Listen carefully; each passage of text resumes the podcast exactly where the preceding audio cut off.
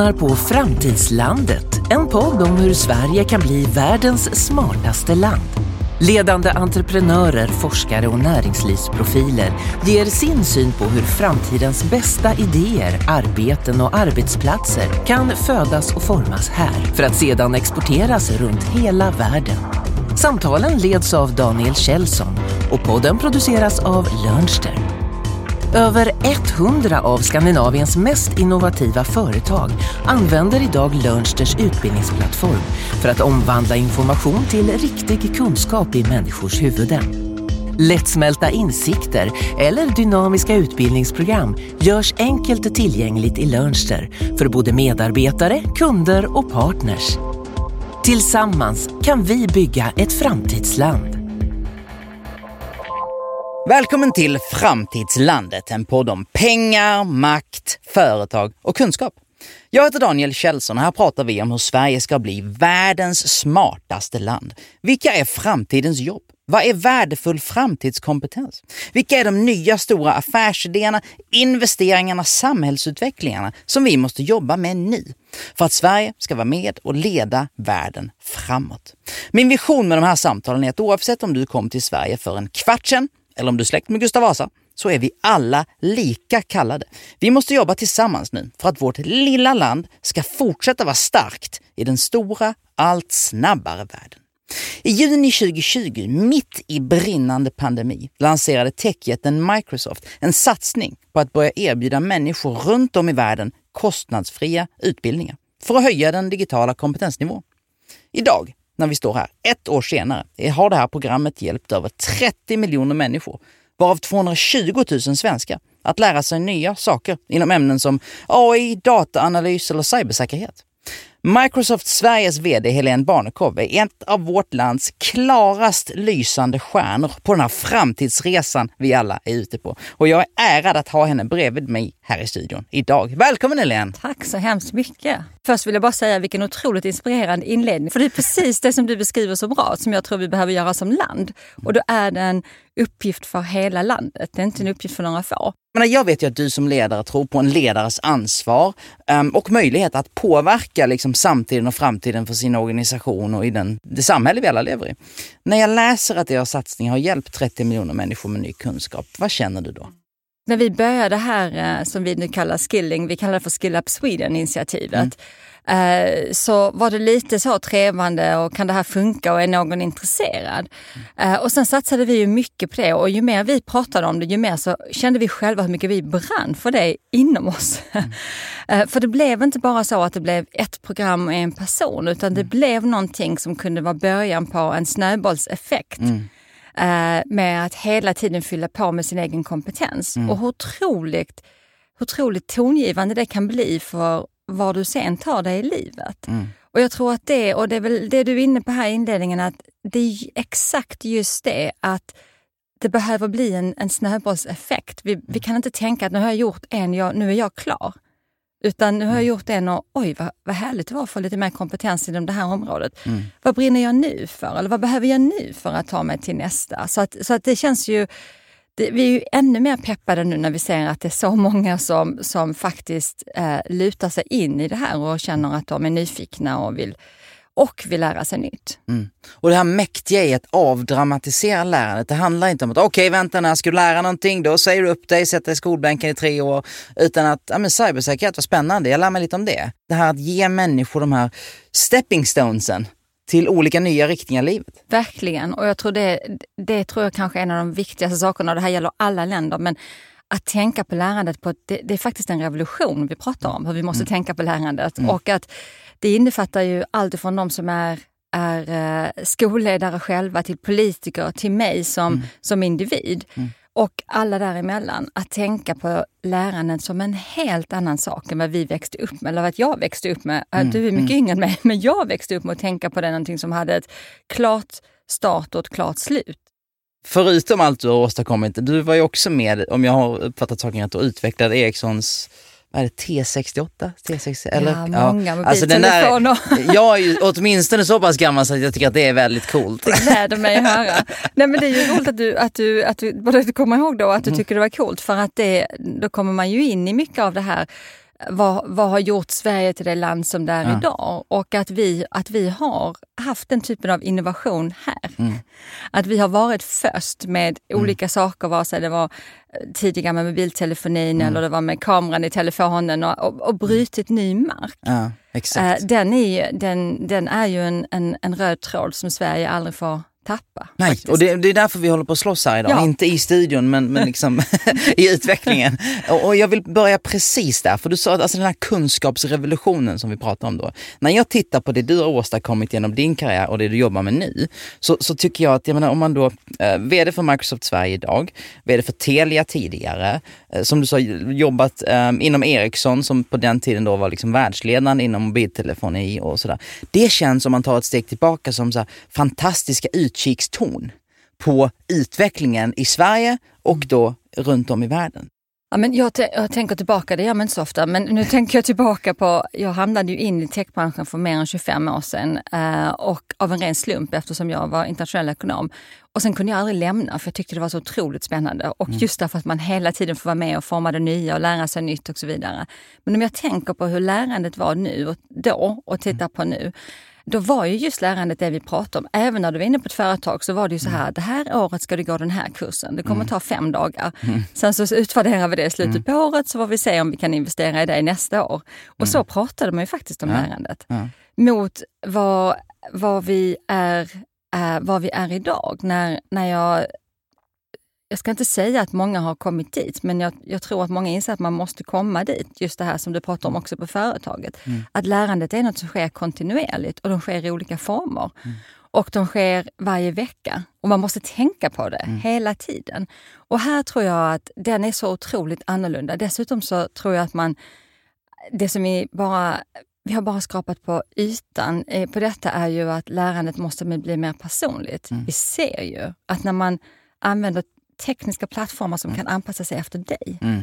så blir ju lärandet det blir ju hundra gånger mer effektivt. Och det spelar ingen roll om det är för att ett barn i mellanstadiet eller om det är för en vuxen som håller på att lära sig någonting nytt.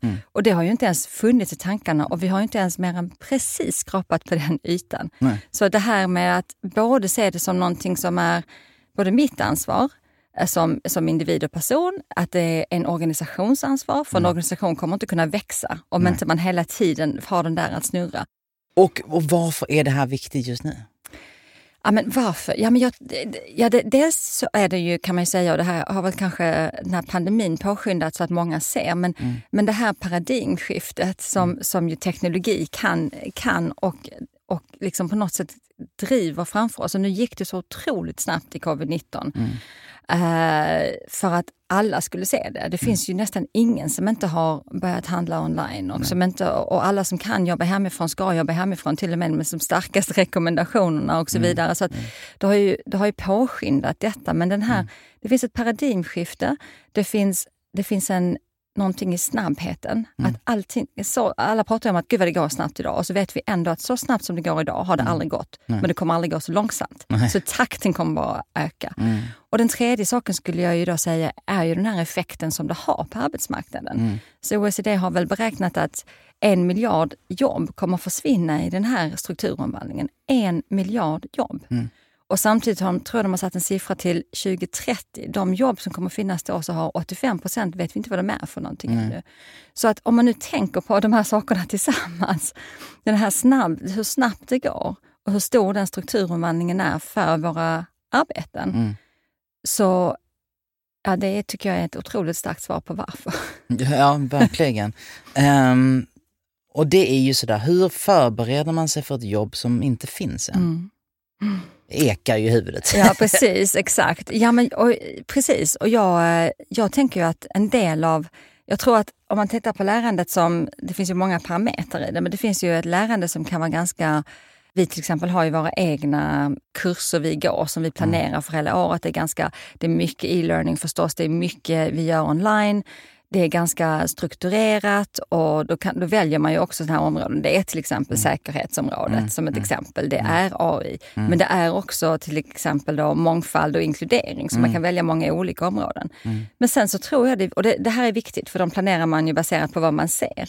Sen tror jag också att det är väldigt viktigt och den här har jag haft förmånen att ta med mig, både att jag bott i så många länder och jobbat i den här branschen. Jag tror att det är viktigt att utsätta sig själv mm. för saker som inte man vet vad det kommer att ge för någonting. Nej. Man behöver ha oväntade möten. Mm. Man behöver prata med människor som inte man har en aning om man har någonting gemensamt med.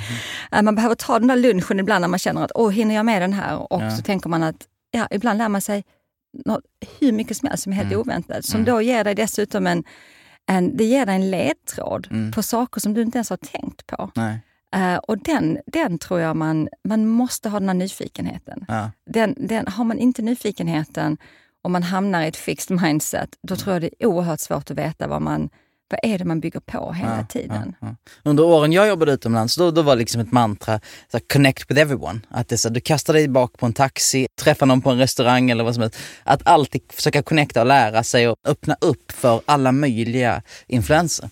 Ja, men det är så spännande att du säger det, för jag känner att det som vi pratar om nu, uh, det, det, lärde jag mig nog i USA. Jag har bott i USA tre gånger i, i mitt liv och jag tror inte jag hade det med mig härifrån mm. egentligen. Där vi, jag tror att min, min, uh, min drillning från Sverige var nog mycket mer att fokusera på att leverera och göra mm. det man ska och ta inte en massa extra tid till saker som inte, nej, nej. som inte du vet är, är, är, bra för företaget just nu. Så att, utan, men däremot i, i många andra kulturer är man ju, mm. handlar det exakt som du säger mycket mer om det och där förväntar man sig också av att, att medarbetarna kommer in med de här nya influenserna och kommer in med nya nätverk och mm. nya connections och sådana här saker. Och den tror jag är, jag tror den är så ofantligt viktig för att den idag, kan man, det kunde man kanske inte då, men nu kan man också koppla det till att så många branscher går ju in i varandra. Mm, Hur, vad är en bilbransch idag mot en mjukvarubransch eller en mm. AI-bransch eller 5G-branschen? Mm, mm, mm, den är ju ingenting nej, utan nej. de sakerna. Så det, går, det, det, går ju in i varandra. Man kan ju inte hålla sig i sitt eget disciplin längre nej. om nej, man vill lära. Nej, precis. Och det som uppvärderas är ju de unikt mänskliga egenskaperna mm. som egentligen inte är knutna till jobbet utan till hur, hur de vi är på något sätt. Verkligen. Jag tänker på det här, alltså dina utkikstorn, som, som vi kallar ditt CV nu.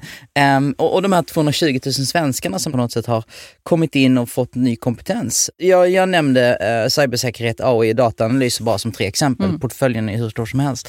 Men, men det ni ser då kring det här, vad, vad ni vill erbjuda och vad ni tror på. För någonstans är ju ni någon form av något filter Um, och ni gör några, tar några beslut där mm. baserat på mm. data och kunskap såklart. Vad ser ni där? Jag vill liksom rota runt i den här guld, i den här skattkistan av data. Ja, nej, men vi ser ju definitivt, och det du är inne på är, är ju inte minst säkerhetsfrågan. Den har vi haft fokus på länge. Mm. Uh, den, har ju, den har ju ytterligare poängterats när när alla sitter hemma och jobbar. Mm. När alla måste sitta hemma och jobba runt hela världen har vi sett det här fenomenet som, som, som kan sitta och jobba. Mm. Och all data man tar med sig hem till köksbordet och mm. allt som finns i molnet givetvis.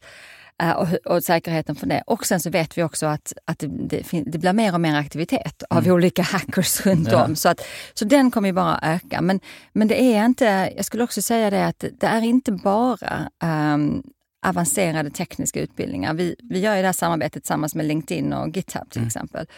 Uh, och no, de, några av de mest populära projektledning, mm. det är kundtjänst uh, och det är online marknadsföring till exempel. Som är mm. sådana här också ganska, jag tänker att man ska tänka så här också.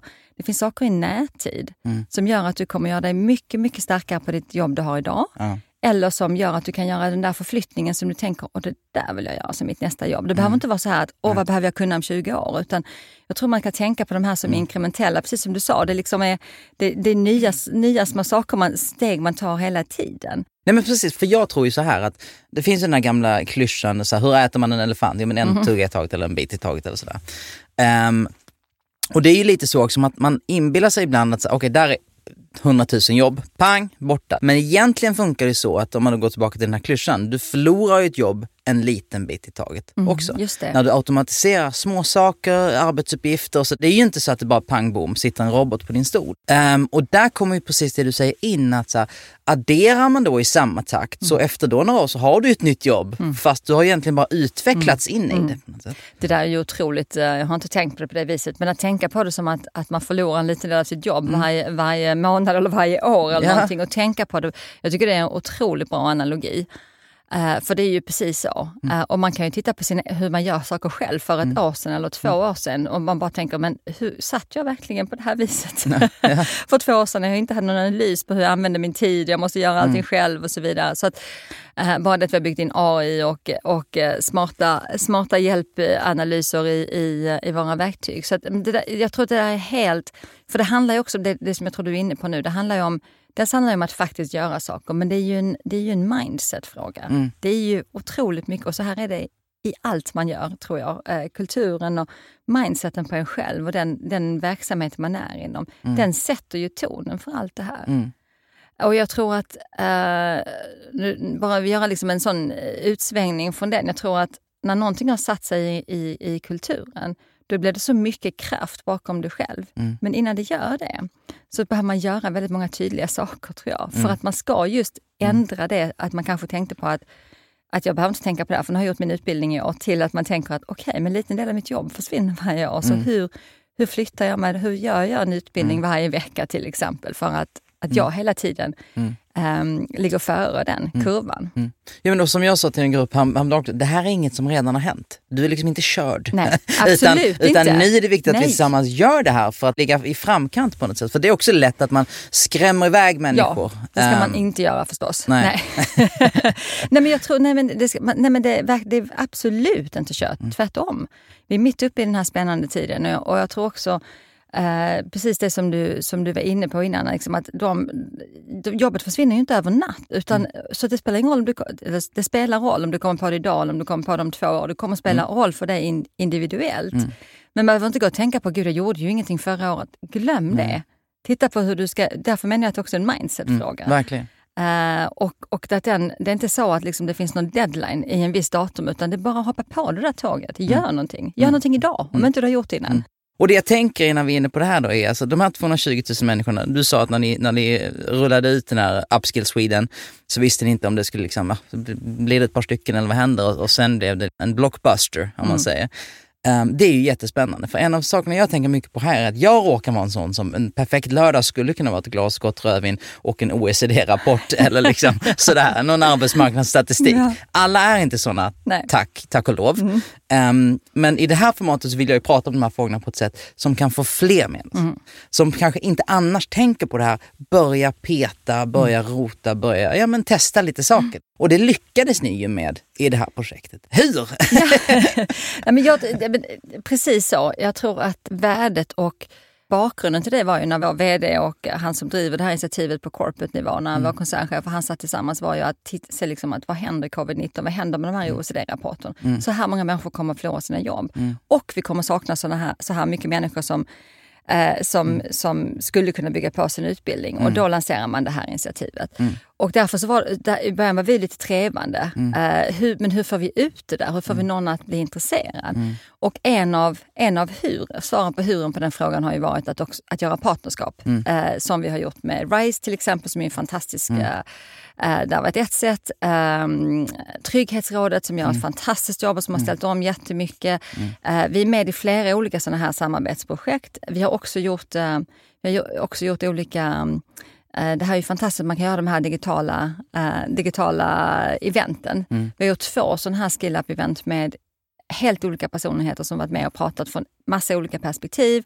Alltifrån ett ungt företag som Spotify till, till organisationer som, som, ehm, eh, som har många, många medlemmar som har olika inlärningsutmaningar till allt möjligt. Och de här, där har vi haft högre deltagare på det än vad vi haft på något annat event någonsin. Så det gav ju också oss, Ja. det gav ju också oss ehm, en boost på att hur viktigt det faktiskt är och hur mycket det hur mycket det connectar med, med var folk befinner sig just nu. Och så har vi varit pratat med många politiker, eh, olika, olika, vad man nu säger på svenska, thought leaders, olika personer som har också kunnat hjälpa oss att lyfta det här. Så att det har ju och nu, har vi, nu vill vi ju bara göra mer förstås. Mm, ja, ja. Men jag skulle, vilja, jag skulle vilja faktiskt eh, koppla samman det bara när det handlar om effekten. För att Mm. det här kommer ju från vårt... Vi har ett eget enormt utbildningsprogram som vi Mm. använder internt och väldigt mycket av det delar vi med våra kunder och partners som en del av vår, vår relation när vi går in och gör partnerskap med dem. Så då jobbar vi med deras utbildningsansvariga Mm. eller teknikansvariga och andra beroende på hur de är strukturerade för att de ska kunna för sina medarbetare att jobba med de här programmen. Mm. Och vad vi ser då, och det är det här som är så, ja, man blir, man blir väldigt, eh, tycker jag, inspirerad av det. Vad vi ser är att ju mer det företaget konsumerar utbildning, ju snabbare går deras egen förändringsresa. Och det kanske inte är någon överraskning, men det, nu finns det datapunkter Viktig data. på viktig data som visar att, att ju, mer man, ju mer man hjälper sina medarbetare ju mer jag utvecklar mig, ju mer förändringsbenägen blir jag. Och det har att göra med det som du sa, tror jag, att ja, men man känner att en del av ens jobb försvinner, men det behöver man inte vara så rädd för, för man har precis byggt sin egen kompetens mot det som kommer komma. Och den tror jag är jätteviktig, vare sig det handlar om dig som privatperson eller i din yrkesroll eller vad det är. Mm. Precis, och jag brukar säga till folk att det, det handlar inte om att någon kommer att ta någonting från det, utan egentligen så har ju vi tagit saker från datorerna. Vi, vi gör saker som vi, vi inte ska göra. så vi får ge tillbaka Ja, dem. precis. Jag vet att du har pratat om dina egna eller kanske interna, alltså learning blocks. Mm. Hur förhåller du dig till det och hur, hur ser det ut? Ja, och det här hade att göra med att ehm, det här satte vi när jag kom in på Microsoft, det är snart tre år sedan. Då satte vi det, då, då tittade vi väldigt, då var det mycket, det var en väldigt stark driv i Microsoft och man höll på att öka den om att alla skulle liksom verkligen komma in i det här growth mindset och tänka på hur man hela tiden fyller på.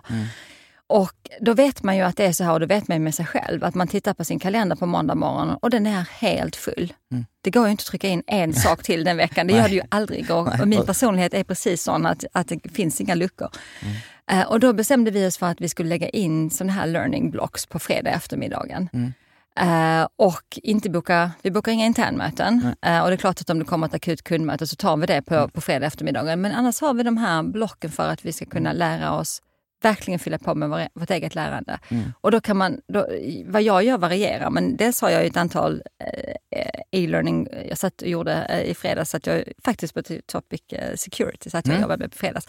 Um, då, då vet jag hur mitt schema ser ut för det, men, men det är också andra saker. Jag kan gå ut och göra en, ett runda bordssamtal med personer som jag inte... Jag kan, vara med, och- jag kan vara med och prata på ett ställe där jag inte alls brukar prata med personer som pratar om helt andra saker och bara känna att ja, men här, här kommer jag få nya insikter. Ingen aning vad jag ska göra med dem, men, men det kommer säkert komma upp saker som jag kommer lära mig av. Så att man kan tänka på det på olika sätt. Och Det viktiga är, tror jag, eh, är att man dels att man verkligen tänker på det och att man faktiskt, man faktiskt slår en ring runt tid och känner att så viktigt är det. Att det där blir viktigare än andra saker som går att göra. Och att man inte försöker göra någonting på midsommarafton eller julafton bara för att man ska ha tickat en box. Företaget vill att man ska göra en utbildning. Utan att man får in, och då, det, det jag pratade om tidigare, då, då, då, då kommer det in i kulturen. Då kan man knappt, när det väl har satt sig. Mm.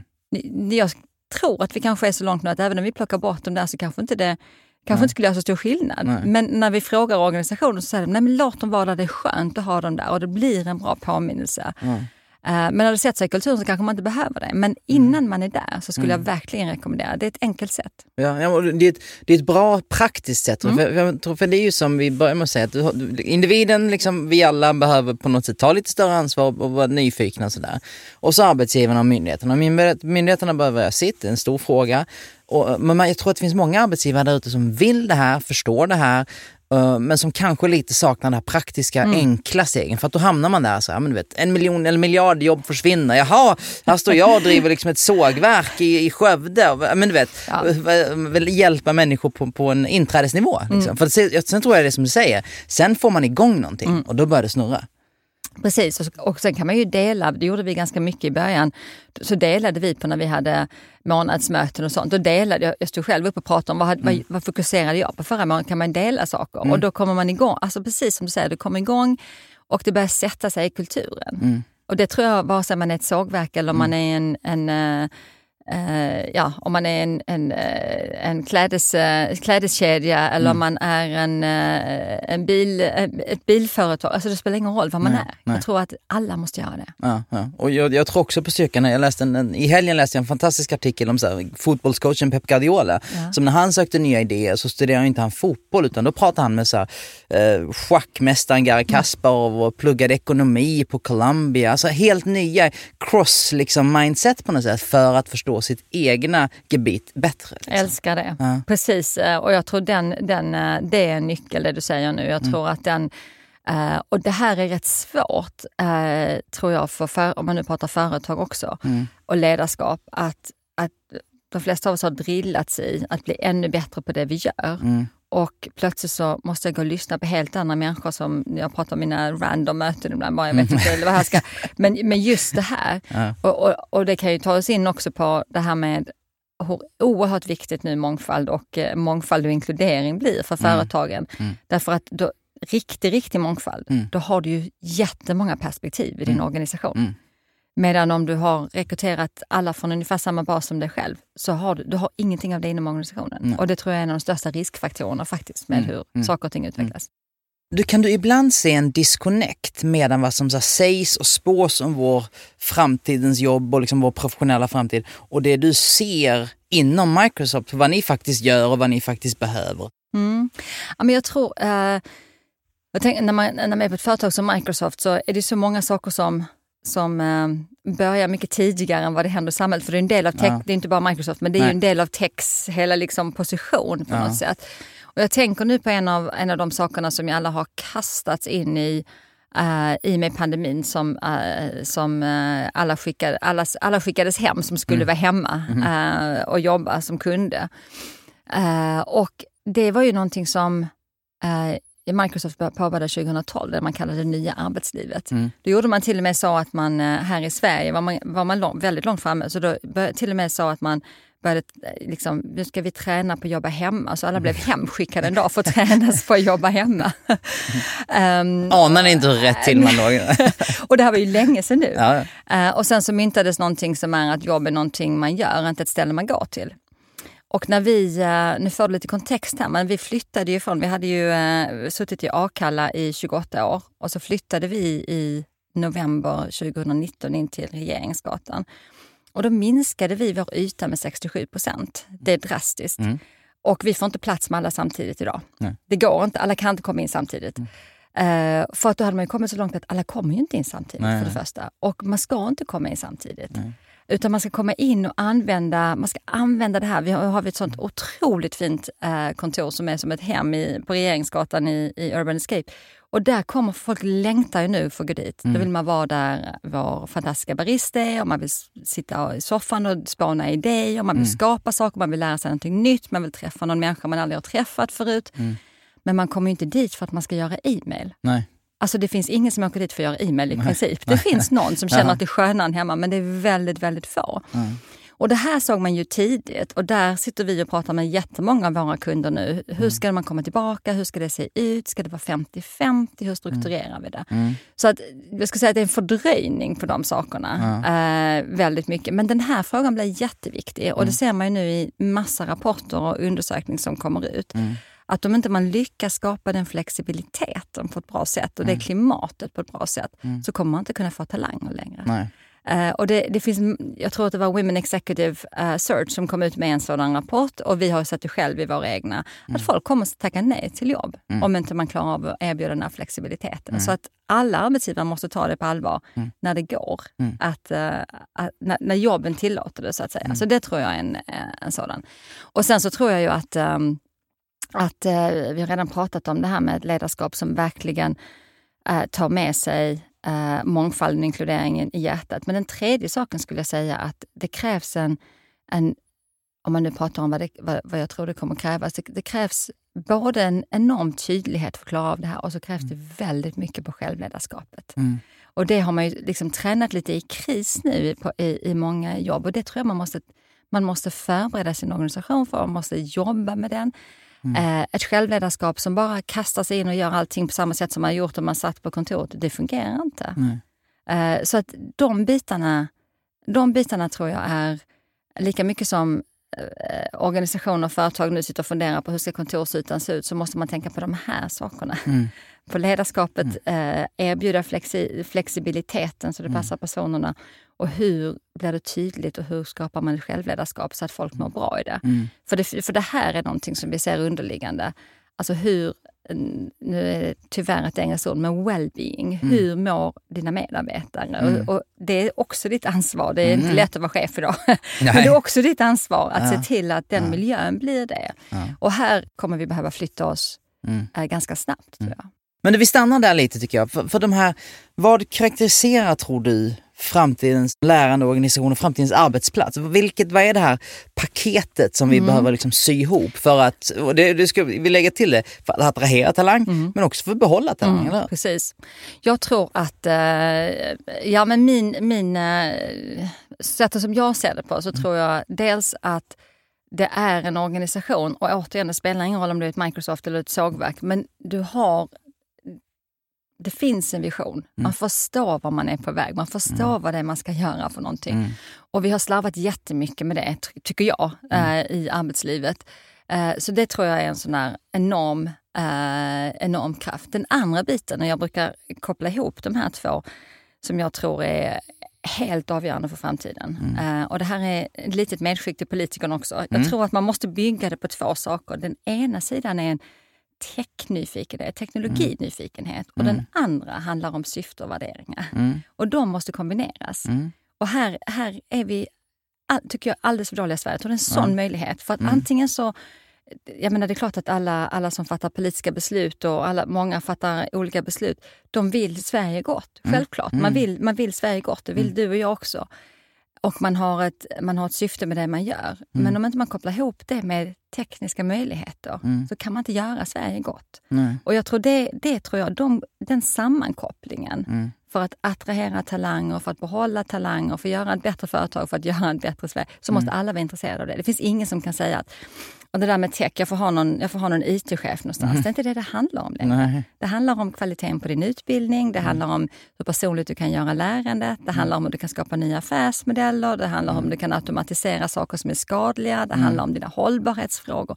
Så de sakerna måste man absolut koppla samman. Mm. Och sen så tror jag att det handlar om ett det handlar väldigt mycket om ett ledarskap på det som du och jag har pratat, som, som verkligen omfamnar mångfald, som verkligen jobbar med inkludering och som verkligen har den här empatin faktiskt, som gör att man kan ha den här well-being-perspektivet. Och, och det här kan låta som floskler, så jag vill verkligen inte att det uppfattas som floskler, men, för jag tror att, och vi har varit inne på det, men det här är så avgörande. Om du har en kultur som är inkluderande, du kan, du kan locka till dig olika typer av talanger i en rekrytering, men du kan inte behålla dem om inte din kultur är inkluderande. Och vi vet från så många, många datapunkter nu att det är de företagen som är mest kreativa, driver mest innovation och vad man såg också i den här Women Executive Search-rapporten, det är också de som har klarat krisen bäst. Mm. Så det är liksom ingen, Nej. det är ingen nice to have längre. Nej, nej. Utan det här, de här sakerna tror jag är de allra viktigaste. Ja.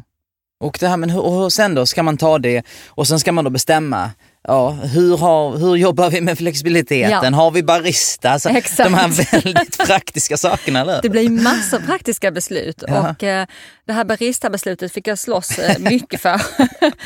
eh, faktiskt, för att det var ju många som tyckte att det finns ju kaffemaskiner som är väldigt bra kvalitet idag och det handlade ju inte om det. Nej. Utan det handlade ju precis om den här, att man ska, för mig var det så här, man ska ha ett nav, man ska komma in, det ska finnas ett nav, det ska vara någon som står där och pratar lite med dig och så säger han, men Daniel vad kul att du är tillbaka. Har- Förresten, har du träffat, har du träffat Ja, Helene? Nej det har du inte.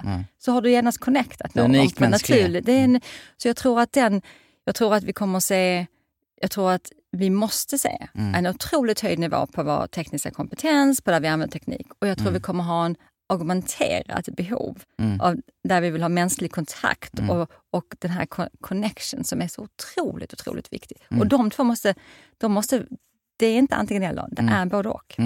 Jag ser ju dig som en väldigt optimistisk person Mm. Ehm, och följer dig för att, för att du, du sprider optimism på något sätt. Vad när du tittar på, på omvärlden och på Sverige och på Microsoft och på ditt lärande idag, vad gör dig, vad är vårt bull case? Liksom? Mm. Vad kan vi skapa här tillsammans? Ja, men, ja exakt, Nej, jag är ju verkligen en, en, eh, en grundmurad optimist. Det är klart att man ibland blir, eh, med alla, alla mm. nyhetsflöden, ibland får uh, reflektera över det. Men, mm. men det är jag. Nej, men jag tror ju verkligen att och det här var en sån när jag flyttade till Stockholm för sju år sedan, jag hade bott utomlands i många, många år. Och så var det en sån här reflektion som verkligen, jag sa det på en scen, det bara kom så här till mig. Jag, jag tror att Sveriges superpowers, det är kombinationen av innovation och kollaboration. Mm. Alltså samarbete och innovation. Mm. Det är sån här superpowers och det här ser man inte i alla länder alls. Uh, och den, uh, den har nog många olika anledningar. För det har varit ett litet land och vi fick titta mm. ut snabbt och vi har behövt varandra. Och det finns säkert många liksom, historiska anledningar. Men det tror jag verkligen är en sån där riktig mm. wow, mm. superpower. Uh, för att vi ska kunna föda den så behövs ju många nya saker hela tiden. Mm. Och jag tror att för att föda den, för att det verkligen ska kunna lösa en massa, så kan vi komma tillbaka till det, vad den kan lösa. Mm. Eh, så tror jag att det, det, är tre saker. Det är teknik. Vi mm. måste vara teknik nyfikna. Vi kan inte lösa saker annars.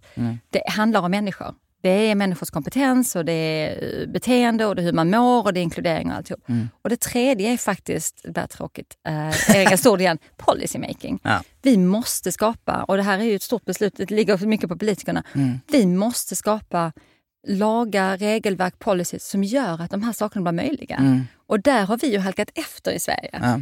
Um, och därför så är vår offentliga sektor inte alls uh, digitaliserad mot Nej. vad som skulle behövas. Mm. Och de här tre tror jag, kan man lyckas med både den här people-aspekten, mm. teknologiaspekten och man kan lägga policies som, som mm. funkar i den värld vi nu ska skapa. Och man nu kan bygga det i ett Sverige som har hela den här innovations och samarbetsdrivkraften. Så mm. jag kan ju, kan ju inte tänka många länder som är bättre positionerade för att, för att klara av den där framtiden. Mm. Ja, men det vi segway där, för det är jätte, jätteviktigt. Och jag brukar ofta säga att vi är många idag som står och liksom befinner sig på något form av uh, nu glorifierar jag mig själv, men, men på något form av toppskikt. Eh, nej, men så, som växte upp med hemma-PCn, eller först mm. den svenska mm. skolan på den tiden. Um, hemma-PCn, tidiga bredbanden och så vidare. Och idag har vi en bubblande startup-scen, mm. enormt fina bolag som skördar framgångar globalt. Och vi har till exempel en tv-spelsindustri i mm. Sverige som är liksom verkligen ett av våra framtidsben tycks det. Um, och då undrar man ju nu, okej, okay, men vad är, vad bygger man, vad är nästa steg mm. där? Så att de nya generationerna har samma trappa eller vad man ska kalla det. Och, och, och, då kastar vi in det här. Du leder Microsoft idag, du, du blir statsminister imorgon. Uh, inga budgetar, inga tidslinjer, ingenting. Åh gud, liksom. det låter som en kul Världens roligaste statsministerroll. ja, uh, men vad, vad gör du då? Vilka beslut tar du? Ja, men du har ju helt rätt i så mycket av de besluten. Mm. Alltså hemma-PC-reformer, mobiltelefoner mm. ja. tidigt och Precis. allt det här. har ju spelat hu alltså det är ju mm. grunden, mm. uppkopplingen. Ja. Alltså så mycket fiber och bredband mm. det finns här. Men. Du kan jämföra med Tyskland, så det är helt fantastiskt. Nej, men jag tror, dels så finns det, en, det finns en parameter i det du sa, att uh, man kan inte ha, den här uppkopplingen gäller ju faktiskt inte alla. Nej. Nu har vi inte pratat om det som är liksom digital divide, men du kan, inte, du kan inte tänka att man ska kunna bo i ett samhälle där du inte kan vara uppkopplad idag. Du kommer inte klara din sjukvård, du kommer inte klara någonting. Du, jag vet det här, men mm. så jag tror liksom satsa på mm. att se till, Sverige måste vara uppkopplad. Mm. Alla delar som man vill att någon ska bo i måste vara uppkopplad och man mm. måste hitta lösningar på det. Jag, för, mm. jag förstår den logiken, för jag har själv varit ansvarig för fiberutrullning, men jag vet att det kostar pengar, men man måste, man måste investera i det. Man måste helt enkelt hitta en lösning. Det är, det är som, det är som el och vatten. Det är som el och vatten. Du måste ha el och vatten och snabb uppkoppling, annars kan vi inte skapa det samhället vi pratar om. Nej. Den andra biten är, är verkligen det här med, äh, med skolan. Äh, äh, när vi flyttade hit så hade man inte kodning på schema till exempel.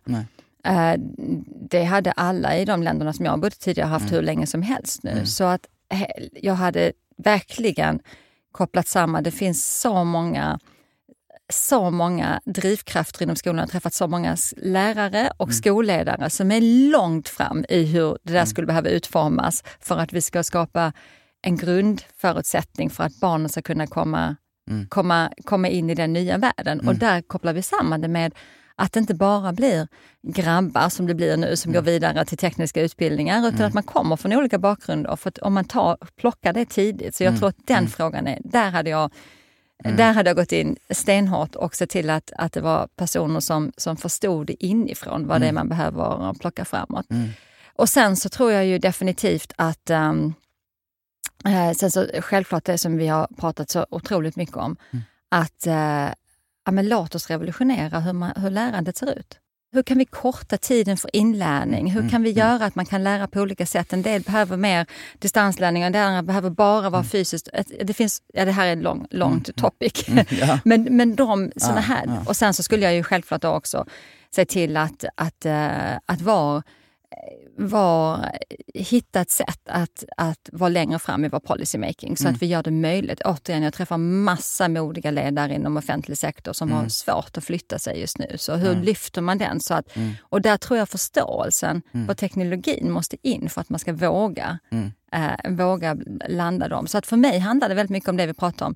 Investera bakom att både ha den här teknikfokuset eh, för att det kommer lösa och göra möjligheter. Och självklart koppla det till vilka värderingar vi har och vilka, vad det är vi vill uppnå med vårt land för att vara världens bästa land. De två kopplas samman. Och det här person... Nu skrev jag nästan en bok för dig, det var inte Ja, men, meningen. men jag kommer ta det här transcriptet och bara ge ut. Ja. Eh, nej men då där, bara snabbt ankra tillbaka, det handlar ju också om att om du tittar på skolan idag, det sitter en, en pojke eller en flicka och tycker att lite läsa historieboken, de kanske vill men det är svårt och det går inte för att de är unika individer. Men ta på dig ett, VR-headset så åker vi och Exakt. kollar på hur de byggde Precis. pyramiderna. Där tror jag att vi kan få hela, Ja. alltså det, vi kommer få alla med oss för Ja. det går, in, går inte att inte lära sig. Nej men det är exakt så och, och jag tror att den, den, eh, den, jag är verkligen passionerad om det här ämnet jag tänker på alla, alla barn som inte som inte klarar sig vissa år i skolan för att de Mm. Ja, kan precis. inte lära sig på det viset. Det har ingenting med deras eh, potential i framtiden, vad de Exakt. Mm. skulle kunna bli. Vi tappar dem långt tidigare för att de inte kan lära sig, inom citationstecken, Mm. på det viset som vi har standardiserat. Och det standardiseras för hur länge sedan som helst Mm, har inte förändrats. och har inte förändrats. Och vi har inte anpassat det då med alla dessa nya läromedel som faktiskt lärande sätt som finns. Mm, mm. Jätteviktigt område.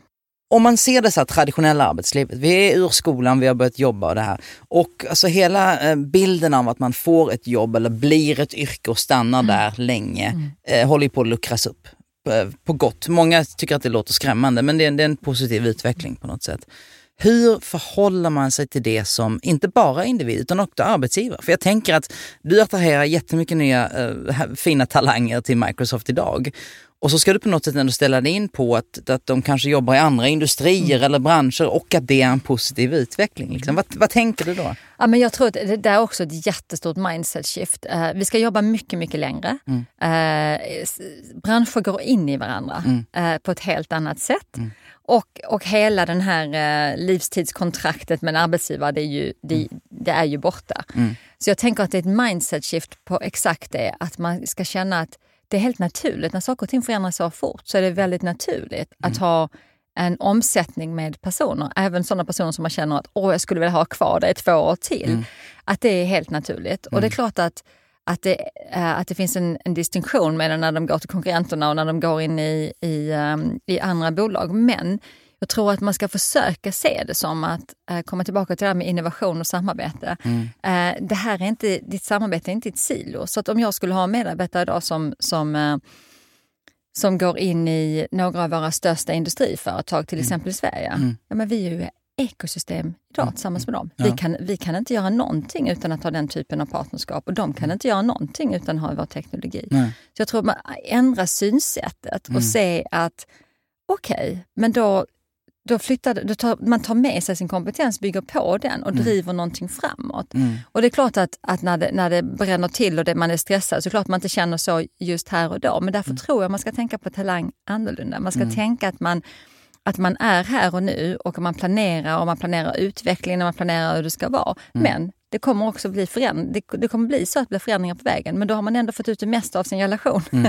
när man har gjort det riktigt, riktigt bra. Och jag tror det kommer bli mycket, mycket vanligare att var man än går sen så kommer man bli partners på något sätt. Mm. För de här växande ekosystemen, de är ju på riktigt nu. Man pratade ju om dem för många år sedan som någonting lite fluffigt. Men nu är det ju faktiskt så. Ja. Du kan inte göra en smart stad utan alla de här, eh, de här parterna är involverade. När man pratar om Hybrid uppe i Norrland, ja, men det kan vara hur många företag som helst. Om någon av mina medarbetare ska gå och jobba för Hybrid i, så kommer vi vara en del av det ekosystemet. Jag tror, jag tror det, den, den vyn tror jag man ska ha med. Mm. Som företag blir lite en, en hubb för talang, där talang kan plugga in och ut i, i, i cykler. Och det tror jag och jag tror också att, att det är ju så oerhört viktigt att eh, hur man hanterar det kommer ju också sätta färgen för hur många som hör att det är ett bra ställe att vara på och kommer Mm. vilja jobba där. Mm, precis. Faktiskt. Ja. Helene, jag började samtalet idag med att säga att du är en ledstjärna inom de här frågorna. Det är du verkligen. Jag vill tacka dig för det, men också säga att ehm, det är viktigt. Fortsätt. Jag, menar, jag, tycker att, jag, jag tror du har åstadkommit mycket i din karriär och ska åstadkomma mycket till. Jag tror, gissar, att när du tittar tillbaka ändå och summerar lite så kan det här vara en av de viktigaste sakerna du varit involverad i tror jag. Att driva Sverige och arbetsplatserna och lärandet framåt. Så tack, vi hänger på dig och, och nu kör vi på. Tack Daniel, tack för inspirationen.